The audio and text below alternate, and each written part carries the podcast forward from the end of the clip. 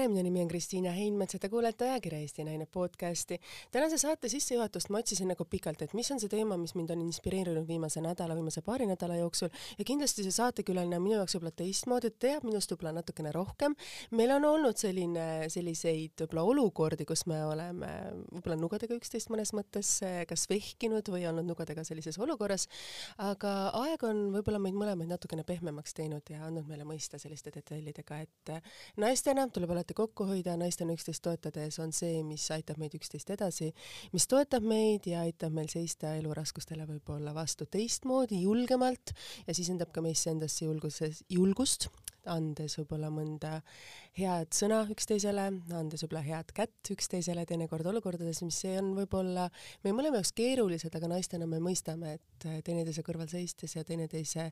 vigu ja raskeid olukordi nähes on võib-olla hea, olenemata olukordadest, millised on meie omavahelised suhted olnud või on või on tulevikus või praegusel hetkel on võib-olla alati hea, see hea sõna annan, on rohkem väärt kui võib-olla see ma saan selja taga sulle ära teha sellises olukorras.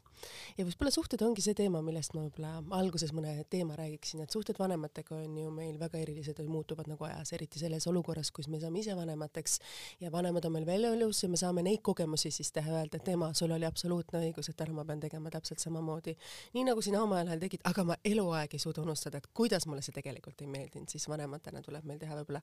teinekord olukordi ja samamoodi lahendada neid suhteid selliselt, mida me võib-olla lastena ise ei osanud. ja samamoodi omades lastega suhteid, siis mingil hetkel me mõistame, et lapsed tulevad siia ellu selleks, et olla osa meie elust, et õpetada meid, anda meile ka mingisuguseid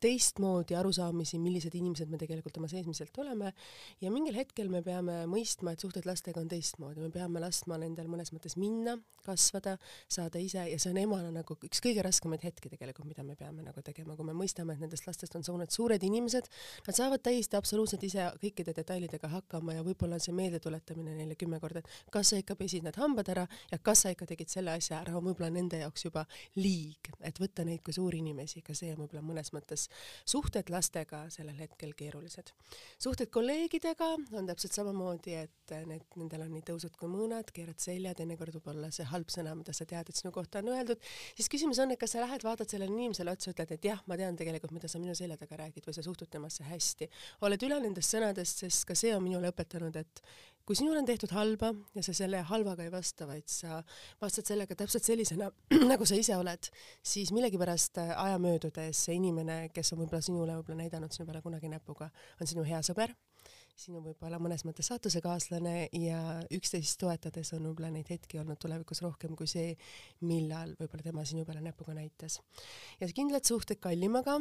armastus on ju see, mis meid viib elus edasi, mis paneb meid tegema kannapöördeid, mis paneb meid betoonseinu maha raiuma kirvega võib-olla ka seda läbi pea ees joostes, mis paneb meid tegema olukordi ja asju, mida me võib-olla kunagi ei oleks arvanud, et me tahame seda teha, seda nii armukadeduse hetkedel, kui me ütleme nii mõndagi halba, selliselt me, mida me tegelikult sisemiselt kahetseme, aga sellel hetkel öelda, et ma tegelikult tegin sulle halba, on palju kriitilisem kui see sõna välja lasta ja seda nagu öelda. ja ka oskus seda nagu teise inimesena seda armukadedust vastu võtta võib-olla selliselt, et sa näed seda suuremalt, et mis teha, et aeg on tegelikult see, mis parandab need vaevad, aeg on tegelikult see, mis mis annab vastused. Ja see, kui sa vastad seda, seda armukadedusega või vihaga või selles mõttes samamoodi nagu ma ütlesin ka siin algus, saate alguses nugadega vehkides, see ei vii sind kuskile, see ei tee sind suuremaks, vaid oskus andestada, oskus anda andeks inimestele ja oskus vastu võtta seda andestust on, ma arvan, võib-olla inimsuhetes üks kõige tähtsamaid reegleid, asju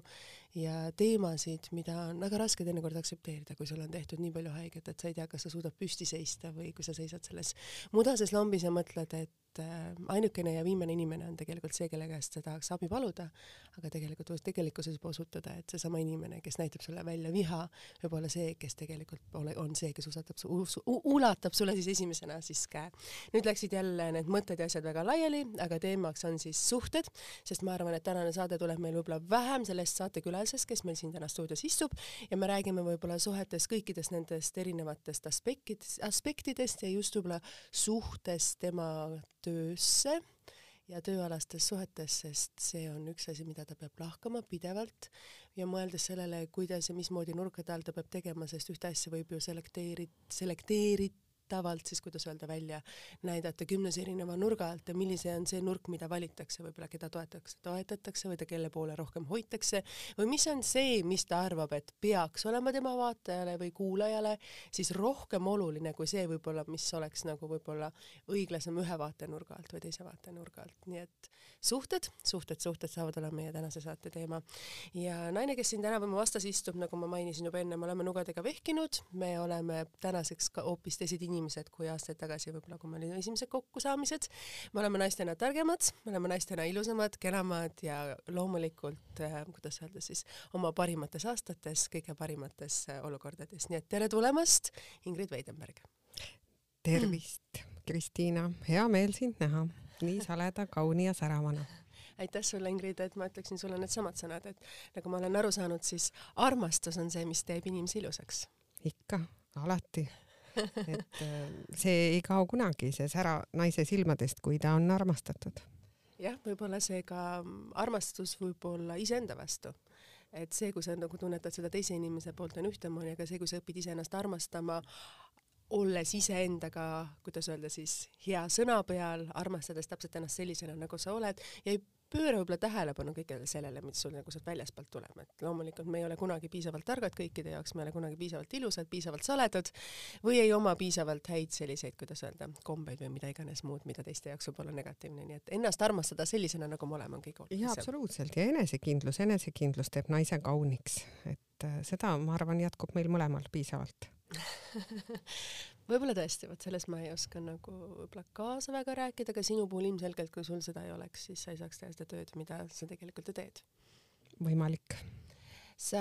täna me istume siin laua taga teistmoodi, et tavaliselt olen mina see, kes olen siis nagu ütleme, sinu poolt siis äh, lahti riietatava olukorras, täna oled sina siis see, kes, keda mina püüan lahti riietada või kardinat eest ära tõmmata, et saada aru, et kuidas sina naisena hakkama saad, tehes seda tööd tegelikult, mis ei ole ju nii lihtne, et kui me siin ka rääkisime sissejuhatuseks, et kui sa siia saatesse tuled, et et sul ei ole olnud lihtne naisena tõestada ennast tegelikult valdkonnas, mis on olnud väga meestekeskne just sellel ajal, kui sina ju tegelikult siia sisenesid ajakirjandusse mul on küll kohutav tahtmine ise küsima hakata sinu käest, aga hea küll, ma, ma surun selle, ma surun selle tahtmise maha ja, ja luban, et vastan su küsimustele. ja, ja sisenemine minul ajakirjandusturule oli, oli, oli tegelikult lihtne, kui ma tagasi mõtlen, sest et Eesti ajakirjandus alles kujunes, olid olemas väljaandeid, mida nõukogude ajal, kus mina kasvasin ja kus minu lapsepõlv möödus, üldse ei olnud nagu näiteks Liivimaa Kroonika ja Liivimaa Kuller ja ja sellised uued algatused meediamaastikul, mis olid äh, põnevad. Ja, ja mida tehti tõesti entusiasmiga ja silmade särades, nii et tehakse midagi uut ja huvitavat ja selle pinnalt, Liivimaa Kroonika pinnalt sündis ju ka Kroonika ajakiri, mis oli sõna otseses mõttes skandaalne, sest mitte kunagi ei olnud noorte hääl, rahva hääl ega mitte ajakiri Noorus kirjutanud inimeste eraeludest. see oli nii püha ja puutumatu maailm, et isegi me ei teadnud oma tippjuhtide partei keskkomitee esimeeste eraeludest mitte midagi, kas nad üldse on abielus, kas neil lapsi on, sellest ei räägitud, see oli tabu. ja ühel hetkel ilmus ajakirjandusmaastikule väljaanne, kelle jaoks polnud miski tabu. kõik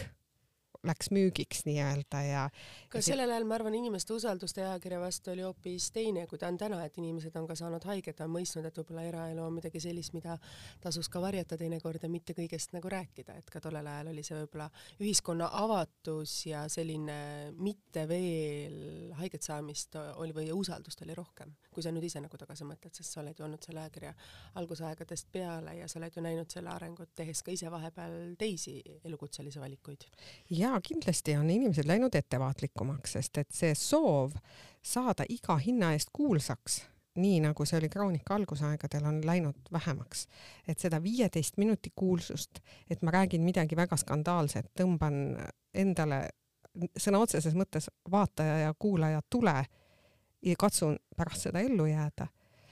seda on jäänud väga väheseks, et inimesed ikka enne mõtlevad, kui ütlevad ja kaaluvad läbi plussid-miinused, arvestavad oma perekonna ja laste huvidega, mida kindlasti ei saa väita, et algusaegadel oli. mindi pea ees, rind ees, rind paljas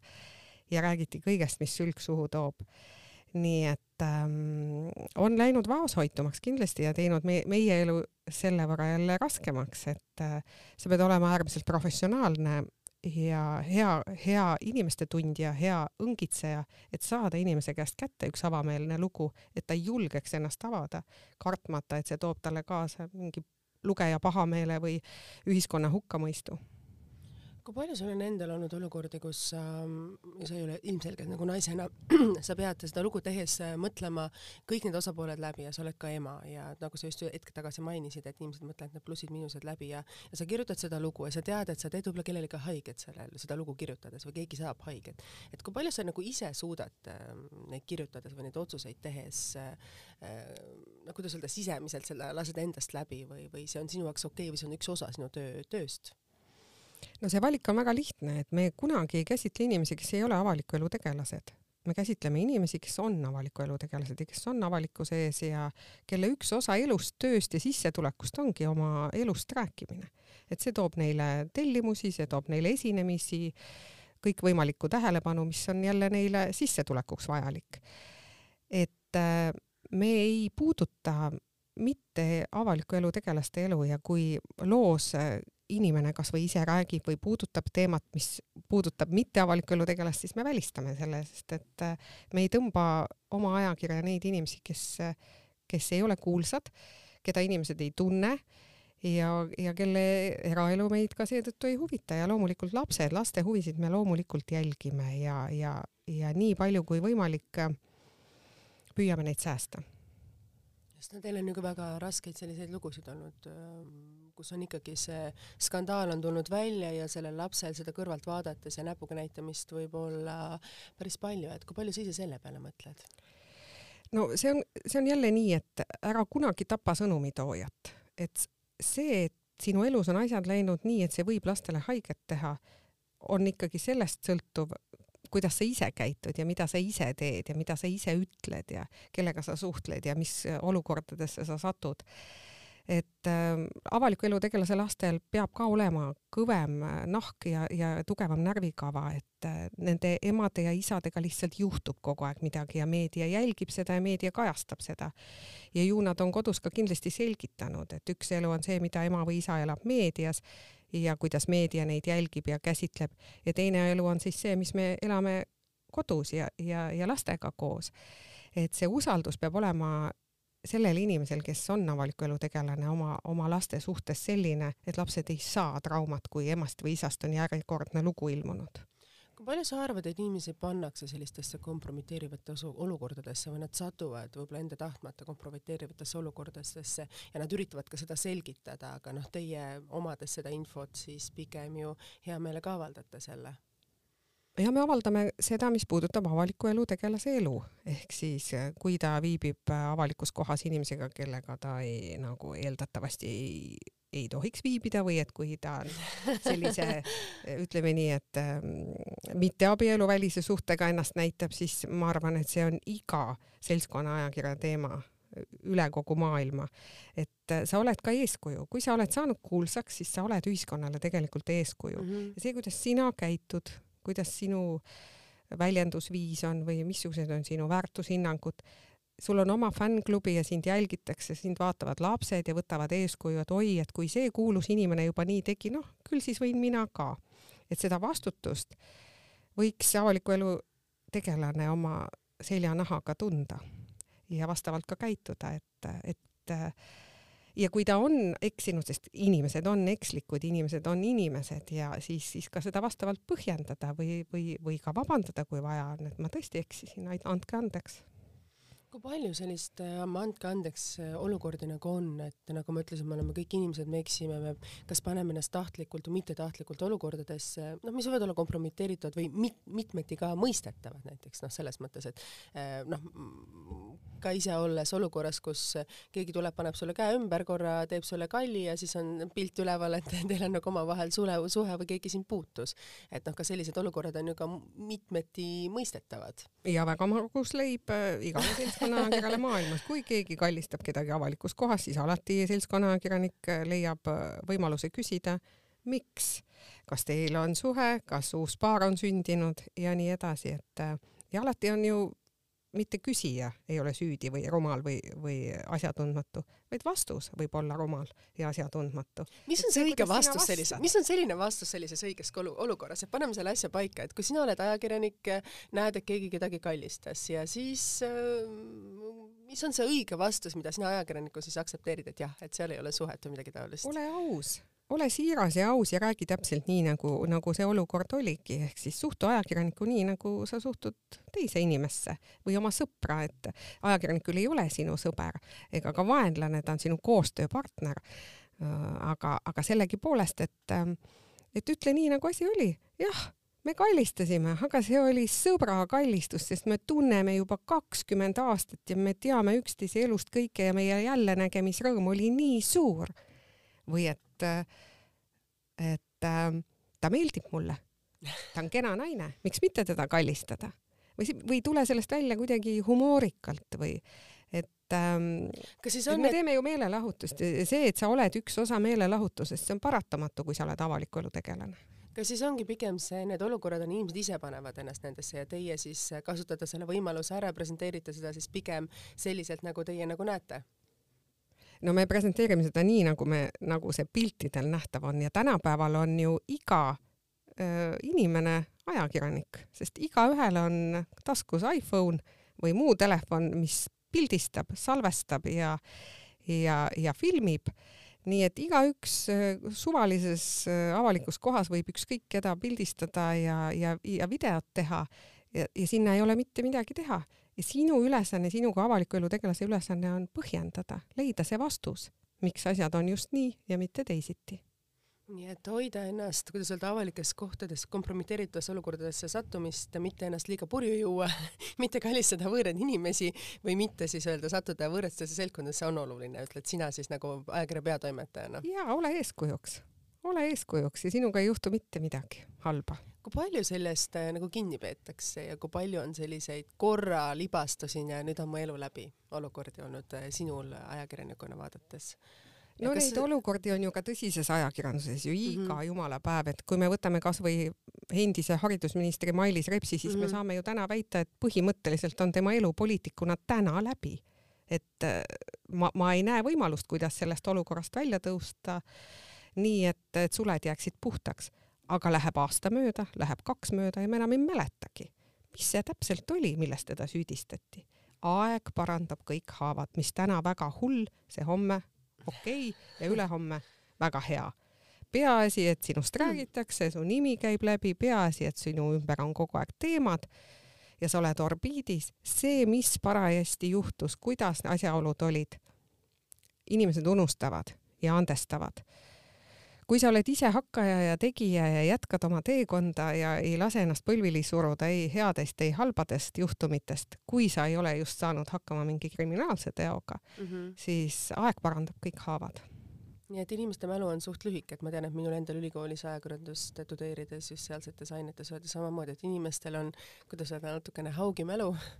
et inimesed unustavad hästi kiiresti igasuguse kuidagi halva ja selle, et ma just mõtlen ka sinu, sinu seisukohast, et näiteks, et teil on näiteks mingid on, tihtipeale on lood, et mees on imeilus paar, nad lähevad siis lahku, see, kuidas naine hakkama saab, selle peale keegi väga tähelepanu ei pööra ja seal mehel on juba uus naine, uus laps kõik kirjutavad ja soovivad palju õnne. kas sa nagu ise nagu emana või naisena teinekord ei tunne nagu selles mõttes, et teades võib-olla, kui keeruline võib olla sellel naisel hakkama saama pärast lahutust nende lastega ja siis on see mees, kes siis presenteerib oma uut uhket abikaasat ja oma uut uhket last, et kas sa nagu ise nagu ei leia natuke seal nagu konflikti, et noh, mina ise teades hästi palju oma tutvusringkonnast just olukordi, kus pärast lahutusi on väga keerulised ajad ja väga keerulised olukorrad või ei taheta lahutada, et jäädakse kokku ja siis aktsepteeritakse, et teisel poolel on erinevaid, ma ei tea, armusuhteid või lisasuhteid, et kuidas te nagu neid asju asju äh, lahkate ajakirjas?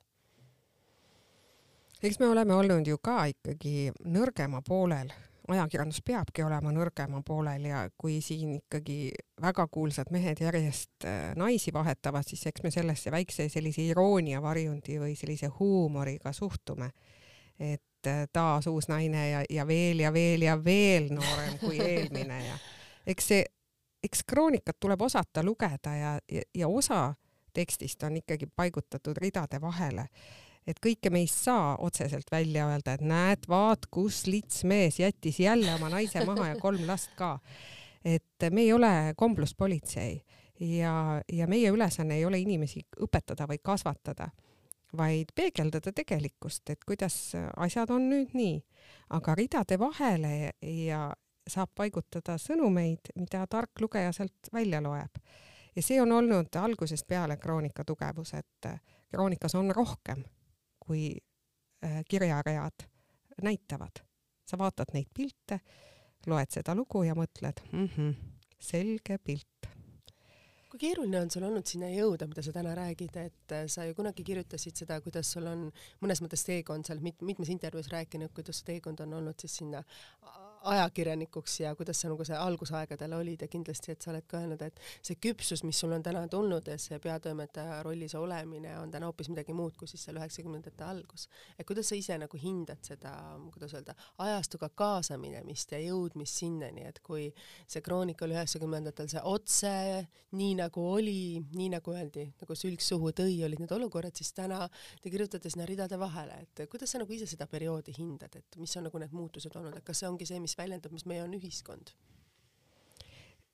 kindlasti on, on kroonika arenenud koos ühiskonnaga, et teisiti ei saakski see olla ja, ja kui me olime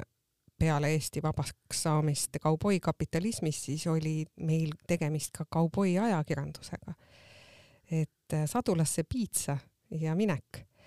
et äh, kui ma täna vaatan neid nüüd seoses kahe, äh, Kroonika kahekümne viienda sünnipäevaga, et me oleme jõudnud nii kaugele juba oma väljaandega, siis äh, need esimesed aastad olid ikka väga naljakad, naljakad lood, naljakad pildid, kohmakad, aga samas ülisiirad, ülisiiras on see ajakirjandus, et inimesed rääkisidki nii, nagu nad mõtlesid ja, ja, ja kui see oli natukene rumal mõte ja, ja, ja rahvas selle üle naeris, no las ta siis olla, aga vähemasti oli see siiras. et nüüd, millega ma igapäevaselt kokku puutun, on see, et inimesed tahavad olla ilusamad, paremad, edukamad, kui nad tegelikult on. Nad tahavad iga sõna kontrollida, sest et sõnal on määratu jõud. et nad näeksid välja imelised et mitte ühtegi sellist varjundit ei oleks, kust võiks välja lugeda, et äkki ta on rumal aga kus siis, kus see reaalsus siis on, et äh, seltskonnaajakirjandus ju peaks nagu kajastama seda, mis on nagu reaalsus. kas siis reaalsuses ongi see, et me elame sellisest äh, üles vuntsitud, äh, kuidas öelda, esikaane persoonidega, kes, kes ei oma mitte mingisugust, kuidas öelda, kontakti enam reaalsuse ja üldsuse ja normaalse maailmaga, vaid see, mida nad esindavad, on nagu kest või kuvand, mis on nendel ümber. me püüame seda vältida, me püüame oma lugudes siiski jõuda tuumani ja ikkagi inimesi rääkima panna ausalt et äh, Kroonika on oma ajaloo vältel olnud väljaanne, kus, kus kus usaldatakse nagu seda õlga või et, et meie najal võib nutta, et me ei, ei, äh, me ei kuula üle, vaid me kuulame ära. et selles on suur vahe, et kas noh, kui valge ajakirjandus hommikust õhtuni kuulab üle, siis meie kuulame ära ja, ja, ja tänu sellele on ka selle, selle edu võti või see fenomen, et et ükskõik kui palju seda kroonikat sõimatakse, oi kollane, oi eraelus sonkiv, oi paha-paha, siis tegelikult otsivad inimesed just seda siirust seal. Nad tahavad näha, et inimene räägib siiralt oma elust. mina loen ja mõtlen, püha taevas, ta on nii ilus ja nii kuulus ja tal on samasugune probleem nagu minul. ja kui tema sai sellest üle, siis mina saan kindla peale ka kas see on see, mis müüb täna, on siis nagu see, et julgus rääkida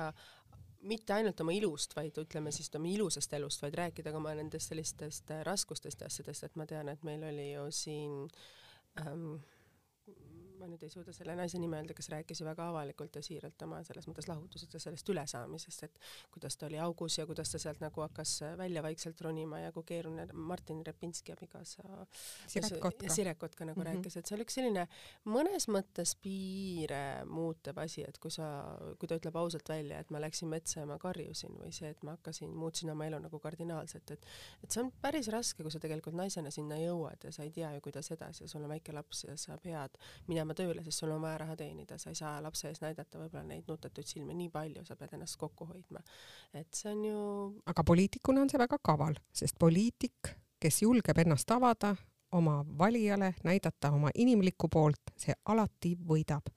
ja miks on enne valimisi meil saba ukse taga, sest kõik poliitikud muutuvad ühtäkki väga siirasteks inimesteks, nad kõik tahavad rääkida oma läbielamistest, oma haigustest, oma kõigest, kõigest, kõigest. Sest et see tekitab valijas usalduse, see tekitab tunde, et ta on inimene, mitte poliitik ja ma tahan tema poolt olla, talle hääle anda, sest ta, ta meeldib mulle. ma usun temasse, ma usun tema juttu kui palju sa,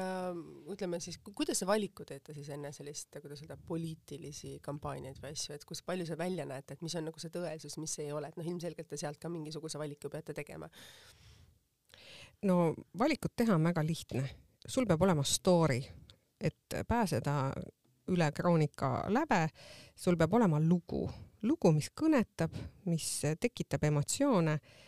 ja mis ei jäta ükskõikseks ja kui sul on see lugu olemas, siis äh,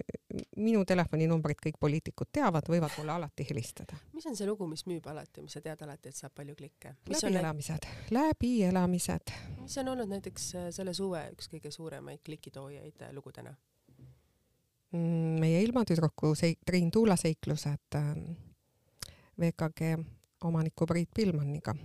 kahtlemata väga inimlik lugu, väga väga-väga lööv lugu selles mõttes, et esindatud olid kõik seltskonna ajakirjandusele vajalikud tingimused. imekaunis naine, ülirikas mees, Eesti üks suurimaid miljonäre, palju raha, traagika,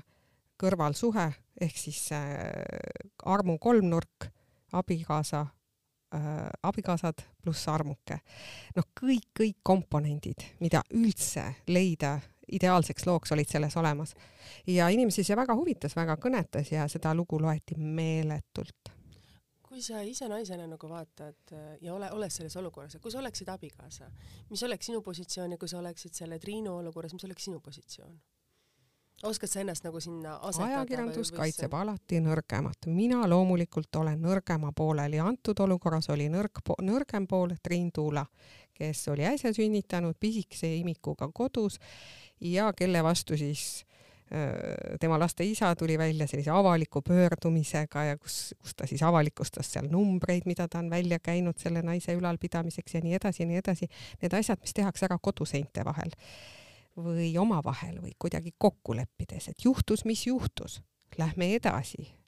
et äh, see oli minu jaoks üllatav tegelikult, et, et nii kõrgel tasemel ettevõtja ei suuda lahendada olukorda nii, et äh, avalikkus ei räägi sellest hommikust õhtuni.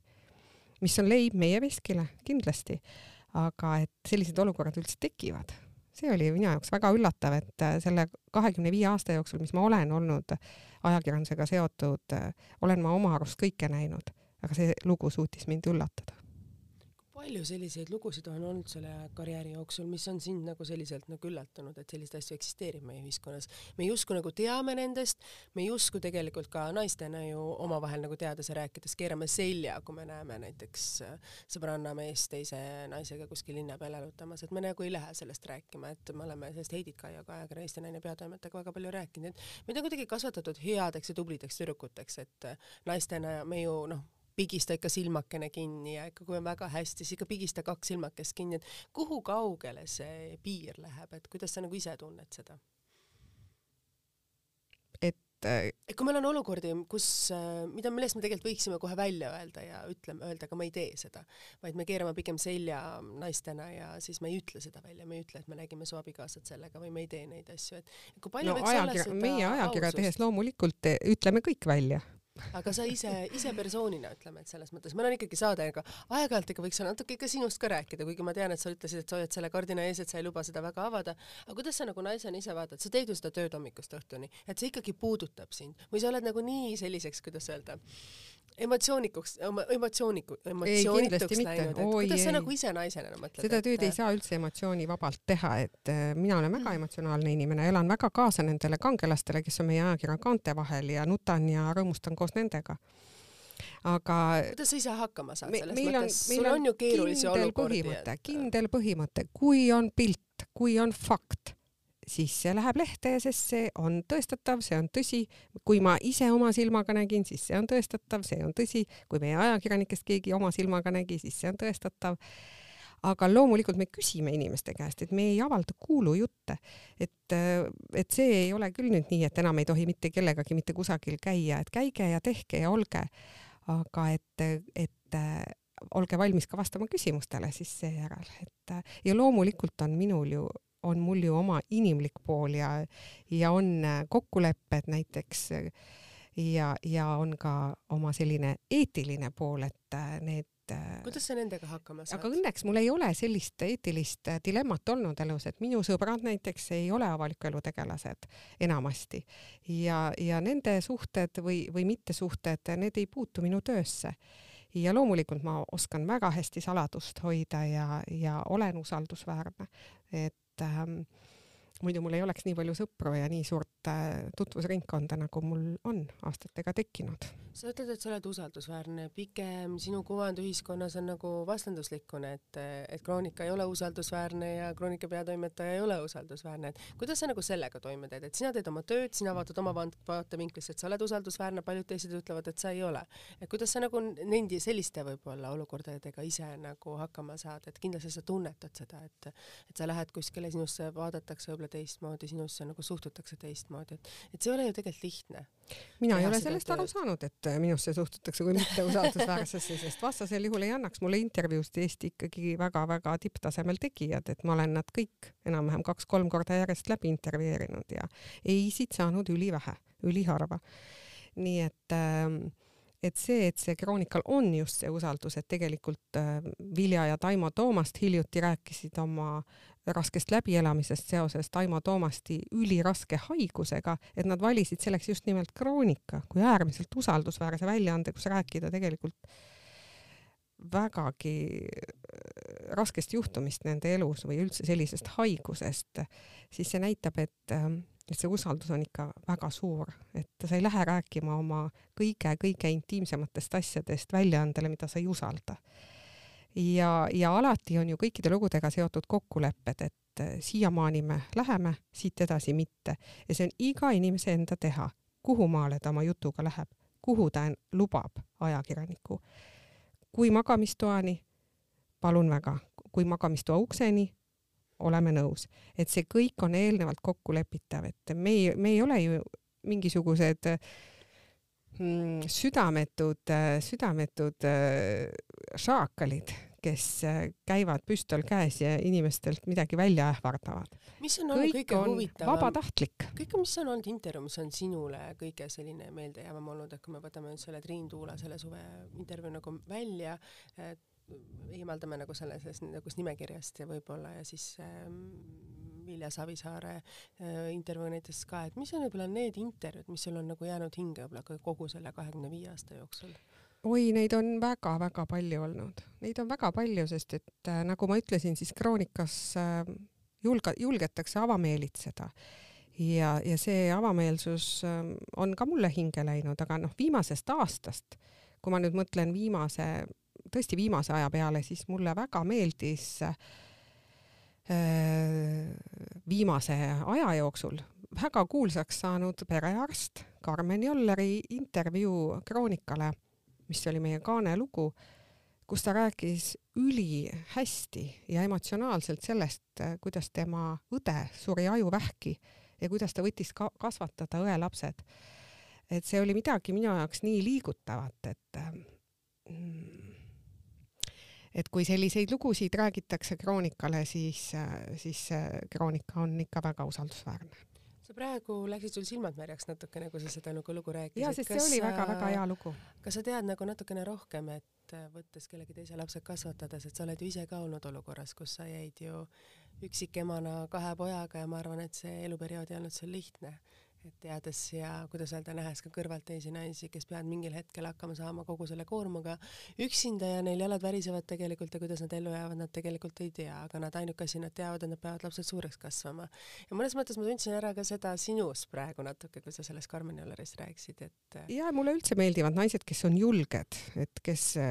kes võtavad vastutuse, mulle väga-väga meeldivad naised, kes võtavad vastutuse tegelikult ja kes ütlevad olukordades pigem jah kui ei et ähm, kui on elu su ette sellise seina püstitanud, siis sa ei ütle, oi, mina ei saa hakkama mina, mina, mina olen ju nii nõrk naine, mina ei saa hakkama. vaid kes ütlevad, et see sein on väljakutse, ma ronin sellest üle. ja ta ronibki. ja vot need naised on ägedad naised ja, ja tegelikult äh, ühiskonna äh, eeskujud ja talad, et ähm, nad, nad julgevad, nad julgevad võtta vastutuse, ükskõik mis saab, me saame hakkama ja näitavad seda ka lastele tegelikult, mis on ülioluline näidata lastele, et ükskõik, mida elu ette paiskab, me saame hakkama. Kui palju oled sa ise oma poistele seda pidanud rääkima ja kui palju sa oled ise nagu pidanud seda naisena üle elama, et et ilmselgelt ka sinul, ütleme, see mingil hetke eluperioodil ei olnud neid äh, kergeid asju või mis olid need põhitõed, mida sa ütlesid poistele sellel, tollel hetkel võib-olla, kui sa olid seal köögis istudes, et mis olid need asjad sinul naisena olulised? oi, mul on palju asju elus olulised, et elus peab ise hakkama saama. et see on väga tähtis, et lastele olen ma õpetanud iseseisvust. et äh, ei ole nii, et ema ees ja taga ja ema teeb, ema toob, ema läheb kooli vastu, ema läheb trenni vastu, ema igale poole on ema, ema, ema, ema. ise sõna ise on meie perekonnas väga austatud sõna. ise saan hakkama. ja see on hästi tugev ja tegelikult õnnelikuks tegev tunne, kui sa saadki hakkama. Ja seda maast madalast lastes kasvatades, et äh, näiteks restoranis käies ei ole nii, et ema tellib lapsele, mis sa soovid, minu lapsele palun seda, teist ja kolmandat, seni kuni laps oskab juba ilusti istuda laua taga ja oskab eesti keeles ennast väljendada, oskab ta ise restoranis küsida. minule palun seda, seda ja seda ja joogiks palun seda et see kasvatabki sellist, et mina ise, mina ise olen indiviid, mina saan hakkama, mina olen tegija. mitte kõike ei tee minu eest ema või lapsevanem. et äh, see on väga tugevasti mulle iseloomulik ja ma ei olekski saanud oma tööd samal ajal paralleelselt kahe väikse lapsega teha, kui nad oleksid olnud saamatud äh, vati sees kasvanud lapsed ja mina oleksin nii-öelda see helikopter ema, kes neid siis teenindab lakkamatult teenindab oma lapsi. Sa said ju ka emaks mõnes mõttes kroonika aastate alguses et sa pidid ju kõike seda, kuidas öelda, laveerima, tollel ajal ei olnud emapalka, tollel ajal ei olnud selliseid sotsiaals-, sotsiaalset kindlustatust, nagu seda on nagu praegu täna võib-olla meie ühiskonnas kindlasti noorematele emadele palju rohkem toetused. ja mina ei saanud kumbagi lapsega emapalka. et kuidas sa nagu selle, seda aega nagu meenutad, et sa pidid tegema tööd, mis oli mõnes mõttes kauboikultuuris, kus ei olnud veel reegleid, kus aeti tagasi neid num-, aeti taga numbreid ja sul on ikkagi kaks väikest last, et sa pead olema ema, sa pead olema see empaatiline, armastav naisterahvas ja sul on veel abikaasa ja sul on veel töö, et ja kuidas sa siis nende tunnetega hakkama said, ma tean, et sellest on pikka aega möödas ja ma tean, et sa naerad, sest sa tead, et et ma ei pidanud isiklikke küsimusi küsima, aga see on lihtne naiseks olemise ei, absoluutselt, aga iga naine saab hakkama. Aga mis oli sinu selline, kuidas see ei ole midagi erilist. mis oli sinu mantra kõikidel naistel on lapsed, kõikidel naistel on töö, kõik saavad hakkama kuidas sa iseennast hoiad tasakaalus, et kas sa käid jalutamas, kas sa käi, loed raamatut või sa viid lapsed vanaema juurde või sa ütled lastele mingid asjad, et, et meil kõikidel naistel on selleks, et hoida ennast tasakaalus, mingid teatud asjad või teatud rutiinid, et kui me neid ei oma, siis me kaotame ennast ära. ja kindlasti on väga oluline tagala, et sul peab olema võimalus puhata lastest, sul peab olema võimalus neid kuhugi jätta kellegi usaldusväärse inimese hoolde, minul olid selleks minu vanemad. Mina viisin nad Lõuna-Eestisse ja nad vaatasid äh, suvel näiteks väga hästi mitmeid nädalaid, poistel oli ülimõnus suvi. Mm. -hmm. ja ma ise sain reisida, mind näiteks tohutult laeb reisimine, kui ma saan, kui ma Tallinna lennujaama lähen, ma tunnen ennast üliõnnelikuna, see on üks väga õnnelik koht, on Tallinna lennujaam ma lähen sealt alati üliõnnelikuna ja kui ma sinna saabun, olen ma kohutavalt õnnelik, sest ma näen jälle oma lapsi, oma kodu ja ma saan jälle teha neid asju, mida ma tegin enne äralendu. aga sinna jõudes valdab mind tõsine õnnehormoon, et reisimine on minu võti, et kui ma tunnen, et nüüd vaikselt hakkab minu karikas täis saama, hakkan ma vaatama lennupileteid. ja see laeb, laeb äh, sõpradega suhtlemine, laeb, laevad head inimesed sinu ümber, hea sõna. Loomulikult äh, hea teatrietendus, äh, mis paneb mõtlema kauemaks kui üks õhtu. Ja, ja sellised nagu inimlikud asjad, hea söök, hea restoran sa räägid kõikidest nendest asjadest, aga sinus on ka olnud ka kohutavalt suur kogus sellist ambitsioonikust ja sa oled võib-olla üks nendest naistest, kes Eesti ühiskonnas on julgenud seda välja näidata ja öelda ka seda välja. et sa oled ka ise kunagi öelnud, et sa läksid Tartu Ülikooli, sul ei õnnestunud esimene aasta saada sisse ajakirjandusse, sa said järgmine aasta selles ajakirjandusse nagu sisse. et kas see ambitsioonikus on mõnes mõttes see, mis meid viib elus edasi ja ei lase meil elus alla anda, et kui ma Kristel Kruustükki intervjueerisin, siis ta ütles, et see distsipliin ja see mõte, et ma saan hakkama, et kui sa võtad midagi, et sa ei anna alla enne, kui sa leiad õige strateegia, et see lõpuni viia. et kas see on võib-olla mõnes mõttes ka see ambitsioonikus, mis meil ei lase naistena, nagu kuidas öelda, ähm, jääda niisama sinna kuskile põlvili, vaid me tõuseme selg sirge uuesti püsti ja lähme edasi?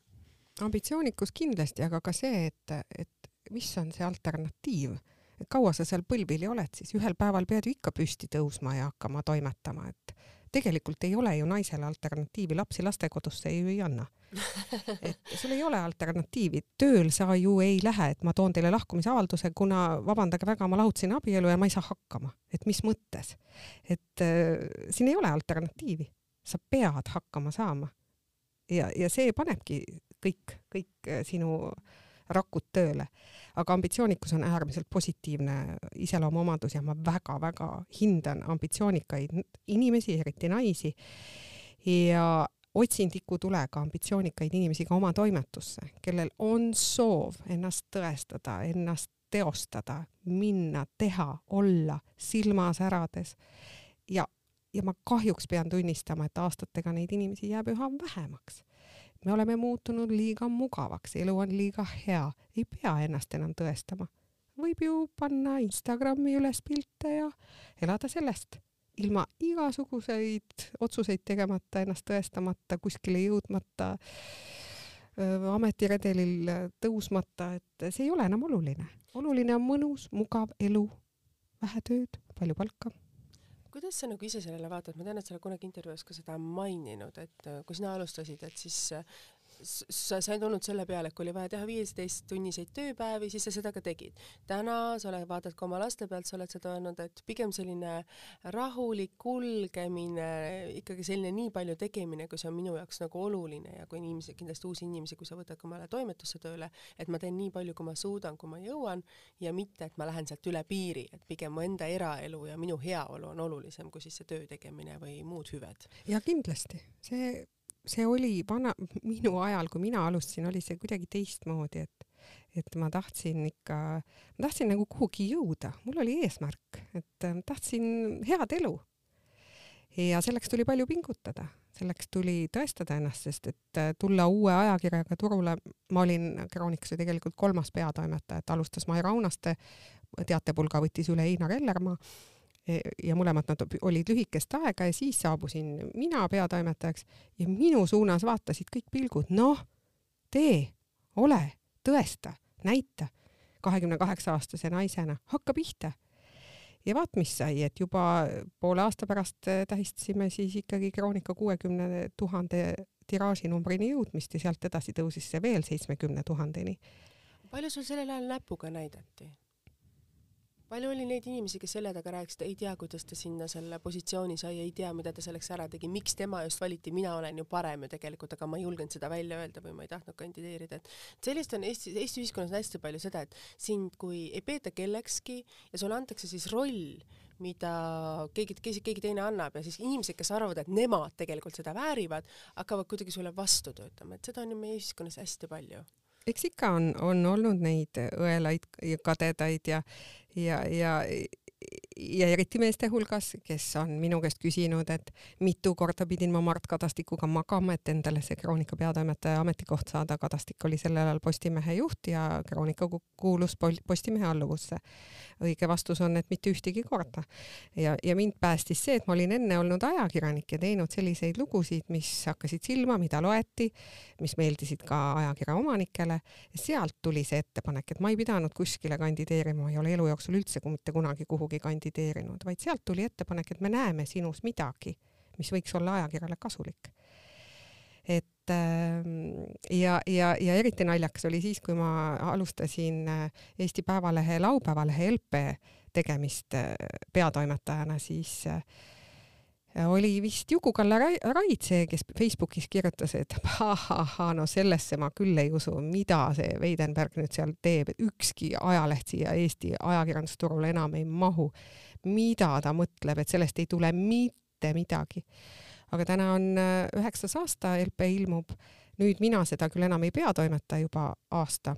aga kaheksa aastaga suut-, suutis LP ennast süüa ikka väga-väga tugevasti Eesti ajakirjandusmaastiku sisse ja ilma selle ajaleheta ei kujuta tänast ajakirjanduspilti üldse ette kuidas sa hakkama saad selles mõttes kõigi nende asjadega, et kui su peale näidatakse näpuga ja kirjutatakse ha-ha-ha, et kas su nahk on nagu nii paks või ikkagi sa tunned seda torget?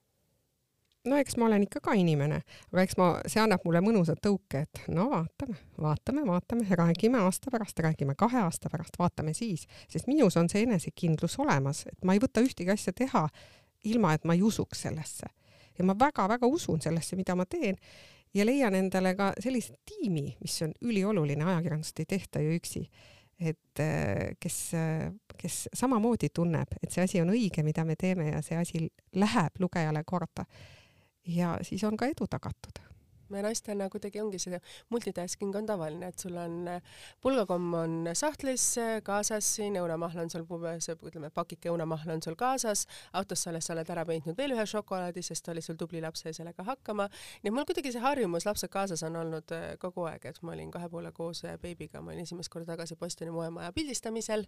kus siis äh, nii Merike Päära kui Katrin Sangla vaheldumisi hoidsid seda last siis seal lähenduses ja siis mina pildistasin, et see multitasking on olnud nagu minu üks osa elust. Kui ma olin TV3-s, siis käisid mu lapsed kõikidel võtetel kaasas tihtipeale, kui nad olid haiged, siis ma võtsin nad neljakümne kraadise palavikuga kaasa, panin nad diivani peale äh,, andsin iPadi kätte, panin rohud sisse, tegin oma kahe tundi, kaks tundi maksimaalselt selle montaaži ära, võtsin lapse sülletekiga kaasa ja viisin ta tagasi koju. ma loodan, et politseid ei näinud, et ta oli siis turvamöö kinnitamata mul tagaistmel, et see on emaks olemise üks osa, millest me võib-olla teinekord avalikult ei taha rääkida. aga seda ma ju ütlesingi, et kõik naised saavad hakkama, kõik naised kui sul on kohustus, siis kohustused ennekõike ja lapsed alati kaasas, kõiki asju saab teha koos lastega ja, ja mitte miski ei jää tegemata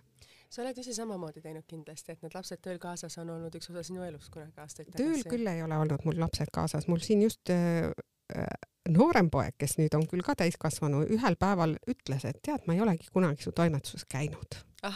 Seda oli mul isegi natuke imelik ja valus kuulata, et tõesti, ma ei ole võtnud oma täiskasvanud poega mitte kunagi tööle kaasa. ta ei tea isegi, missugune minu toimetus välja näeb aga et... miks nii, kas sa ei ole talle öelnud, et peale kooli, et tule emme juurde või äh, lähme teeme tassi kohvi või teeme väikse sellise lõunasöögi koos? ja ma kindlasti olen seda öelnud, aga me saame kokku väljaspool toimetust, me saame kokku kuskil tema kooli ja minu töö vahepeal, et siis koos süüa või midagi koos teha, aga, aga mitte kunagi ei ole ta pidanud oma raske koolikotiga tulema siia minu toimetusse. me saame kokku kuskil poole, poole tee peal siis sa oled kordades parem organiseerija kui mina, sest minul on alati lapsed kuskil kaasas või äh, auto peal või kuidagi nagu teistmoodi olnud, et mina olen siis kuidagi mugavamat moodi oma elu ära korraldanud, et laps on iPadiga siin ukse taga ja joonistusraamatu ja väikeste näksidega jaa, aga samas kõik saab tehtud. jaa, absoluutselt kõik saab tehtud. aga võib-olla ma võtaks lõpetuseks äh, nüüd selle saate kokku koos oma sellise teistmoodi lõpuga ja teemale, kuidas öelda, sissesõitmisega jälle teistmoodi, et äh, kuhu edasi, Ingrid, selles mõttes, et sa teed taas nüüd seda kroonikat, äh, nagu ma saan aru, et sul silmad säravad, sa oled armunud, sa oled ka seda kinnitanud, et sa küll hoiad seda täna kiivalt, sa oled võib-olla ka ise saanud mõnes mõttes selle okaga torkida ja sa tead, et mis on sinu jaoks kallis ja armas, on see, mida sa hoiad siiralt võib-olla iseenda südame lähedal lähedale enda südame juurde ainult, et sa ei taha võib-olla sellest nii kõva häälega rääkida, sest sa ei tea kunagi, mis võib selle, kuidas öelda, tunde ära viia või, või ei, ma ei karda mitte seda, vaid et ma, ma olen seda öelnud ka ühes intervjuus, et ma ei hakka võistlema e, eraelust rääkimises oma ajakirja nii-öelda klientide ja kundedega, et minu töö on kirjutada inimeste eraeludest ja ma ei taha, et minu eraelu oleks üks selline, millest siis ka mina siis äh, võtan sõna ja et olen ka üks osaline selles katlas. et las ma olla see, kes kajastab teiste era eraelu ja jätab enda eraelu enda teada selles mõttes, et ilus nagu küll vaadata ja kuulata, aga, aga tegelikult ju sul on ka üritused, kus sa tahaksid ju käia ja kus sa käiksid olla, et, et kas sa siis eelistadki see, et kui sa lähed vastuvõtule, sa lähed üksinda, sa teed seal tööd ja sa võtad pärast klaasi šampanjat ja sa lähed ära ja siis eraeluliselt sa käid teistes kohtades ja teistmoodi. kas see on nagu sul, on see nagu võimalik teha, sest tegelikult kuidagi need kaks asja ühildades on, oleks kuidagi lihtsam ei ole lihtsam, ei ole, mulle ei meeldi need mehed, kes piinlevad oma naiste käevangudes sellepärast, et naine on käskinud kodus ilusad riided selga panna ja tulla seista pildil sirake alt, et mul alati suur kaastunne, eriti kui need mehed peavad viibima moe demonstratsioonidel ja moeüritustel ja siis nad piinatud näoga istuvad kuskil esireas oma kauni naise kõrval, kuigi samal ajal tahaksid vaadata jalgpalli või teha midagi muud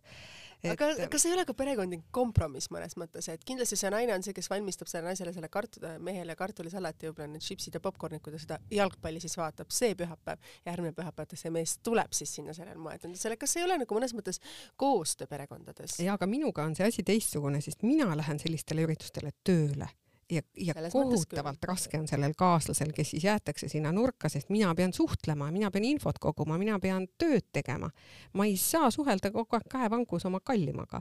et see on äärmiselt ebaõiglane tema suhtes võtta ta kaasa ja siis hakata suhtlema teistega. et mina lähen tööd tegema ja see on hoopis-hoopis teine väljaminek kui see, et me läheme täna kas teatrisse või ooperisse või sõidame kuhugi koos.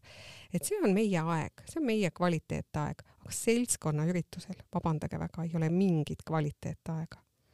see on selles mõttes jah, sinu jaoks on see töö selles mõttes ja avalikud üritused on sinu jaoks töö, sina käid, sa kirjutad üles need asjad, ahaa, see, see inimene on nõus mulle andma kolme kuu pärast intervjuu, see on nõus andma kahe kuu pärast, tema veel ei ole, võib-olla ma aasta pärast helistan uuesti. kas see on nagu see mõtlemine, mida sa tegelikult teed, kui sa oled seltskonnaüritustel? ei, see ei ole nii, et ma ei torma sinna pea ees, et nüüd kohutavalt intervjuust kokku leppida, vaid pigem suhelda, küsida, kuidas läheb mis uudist. Ja lihtsalt äh, olla inimestega koos, et siis, kui on tarvis helistada, siis on hea öelda, et me rääkisime seal ja seal sellest, sellest, sellest, et äkki jätkaksime teemat. et see on see lobitöö, mis on ülioluline seltskonnaajakirjaniku elus, et äh, sa pead suhtlema, teisiti ei ole võimalik seda tööd teha. Kui sa räägid, et sa kirjutad päeval ja see suhtlust on sul tegelikult seltskonnaüritustel nii palju, siis ja sa oled öelnud, et sa laed ennast nagu looduses jalutades, et kui tihti sa tunned, et sa oled nagu sidruniks välja pigistatud, et sa tunned, et ma ei taha enam kellegagi rääkida, ma ei taha midagi kirjutada, ma tahan lihtsalt rahulikult olla. kui tihti sul sellised tunded sind valdavad? Mitte väga tihti, eriti nüüd, kus me oleme elanud aasta aega koroona tingimustes ja karantiinis, ma tahaks väga suhelda. et see ei, suhtlemine absoluutselt ei kurna mind, mis mind kurnab, on pikad sügavad intervjuud ja kui neid teha jutti, nii nagu ma tegin neid LP peatoimetajana töötades ikka nädalast nädalasse, rääkides sügavuti mm -hmm. äh, inimestega siis sa räägid inimesega kolm tundi, siis sa kirjutad seda teksti maha mm -hmm. lindilt, noh, umbes kuus, seitse, kaheksa tundi ehk siis terve tööpäeva laua tagant tõusmata, nii et selg valutab, kui sa õhtuks ennast püsti ajad. siis sa asud seda lugu toimetama, lõike ümber seadma mm, -hmm. mõtlema pealkirja, liidi, kuidas seda esitleda. ja kui see lugu lõpuks valmis on, siis järgmisel päeval lähed kohtuma uue inimesega, et juba uut intervjuud teha ja ol-, pead sellega eelnevalt ette valmistama, sest sa ei saa kunagi minna mhm. inimese ette nii, et, et, et, et sa ei tea temast midagi, kogu tausta pead ette valmistama. ja kui neid lugusid tuleb jutti nädalate viisi, siis ma tunnen, et ma olen üliväsinud, kurnatud. ja just see kirjutamine ja see, see, see, see sügav enda seest selle info läbilaskmine, vot see kurnab mind. see on päris raske. aga mitte suhtlemine okei, et tihtipeale ongi see, mida sa praegu räägid, oma inimesed ei näe et äh, nad räägivad sinuga kaks-kolm tundi, aga sinul läheb pärast kuus-seitse tundi sellest kirjutamiseks, nagu see podcast, nagu ma teen, et, et äh, tihtipeale öeldakse, ei see, et see lihtsalt toimib nii, aga tegelikult samamoodi, ma ju valmistan selle saate ette, ma teinekord helistan kümme inimest läbi, nad ütlevad, et nad saavad tulla, nad ei saa see nädal tulla, nad tulevad järgmine nädal või nad tulevad mõnda teise saatesse või et sorry, et ma olen kuu aega nüüd ära, ma tulen kahe kuu pärast, et sa teinekord helistad kümme inimest läbi, kuni keegi ütleb sulle jah. siis sa lepid selle aja kokku, siis see on ikkagi sul muud tehnilised detailid, asjad, sa valmistad selle saate ette, sa pärast pärast samamoodi kuulad selle saate läbi, kirjutad selle saate välja ja teed erinevad lood nagu selles mõttes, mis on podcast'i jaoks ja asjad. et see ei ole tegelikult samamoodi, et see ma siin nüüd käin, tulen, räägin, et see ei tule ka niimoodi, et ma kulutan ainult see viiskümmend minutit siin, vaid see on tegelikult kogu tehniline protsess, mis on pikemaajalisem, et sama, sama lugu, et millegipärast see on see, mida inimesed ei näe. absoluutselt. ja see, väga jah. hea on hiljem kuulda, et mul olid nii ilusad mõtted, ma ei teadnudki, et ma nii hästi räägin et, et see kõik oli nii sujuv ja ja et äh, ma, ma tõesti üllatusin seda lugu lugedes, kui intervjueeritav niimoodi ütleb, siis see on ikka tõsiselt hea kompliment, et sa oled suutnud need mõtted panna niimoodi kirja, et seda on ilus lugeda see on ka omamoodi oskus ja see tuleb jälle aastatega, sellest ma olen aru saanud, sest mina keskkoolis, pean ütlema, ei osanud ühtegi asja kirjutada, kirjutamine oli minu kõige suurem komistuskivi, ma olin matemaatika alal väga nagu tubli ja vaata, kus elu võib teha sul, võib teha sul kannapöörde, et täna rääkimine, kirjutamine on mu töö ja matemaatika, sest ma enam oma last ei oska aidata, et, et see on nagu mingid asjad nagu muutuvad siin elus. aga ma tean, et sina tahtsid olla kindlasti ajakirjanik terve elu, et see oli nagu sinu soov juba noorpõlves. jaa jah, jah. ja mul on õnnestunud pidada seda ametit tegelikult äh, kuni ülikooli, noh, alates ülikooli lõpetamisest, mis on ka hämmastav, sest kui ma vaatan oma kursusekaaslasi, kust ainult üks inimene töötab veel ajakirjanduses või vaatan üldse Tartu Ülikooli ajakirjanduse lõpetanuid, siis äh, neid, kes oleksid pikalt, aastakümneid jäänud ajakirjanikuks, neid on ülivähe. ma sellepärast küsisingi, et sa teadsid, et sa tahad saada, sa oled terve elu selles valdkonnas töötanud. mis on see sinu fenomen, mis sa arvad, mis on sind siin hoidnud nii kaua, et sa oled ka teinud vahepeal muid katsetusi, aga sa ikkagi tunned, et see on minu oma ja sa oled nii noorena osanud juba selle valiku teha? kutsumus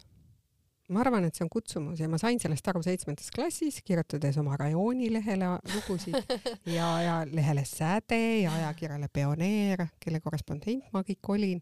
et see on kutsumus, see on kutsumus ennast väljendada, anda teada millestki, näha oma nime ajalehes ja saada selle eest tasu. nii et kuulsus ka, ka seda võib öelda ja et, et, et see tõmbas mind ikka väga varasest noorusest alates, sa kohtud inimestega, kellega sa muidu elus mitte kunagi ei kohtuks, et sellist teist ametit, et äh, ma tõusen hommikul üles, mõtlen, helistaks täna Siim Kallasele, helistaks Kristiina Einmetsale.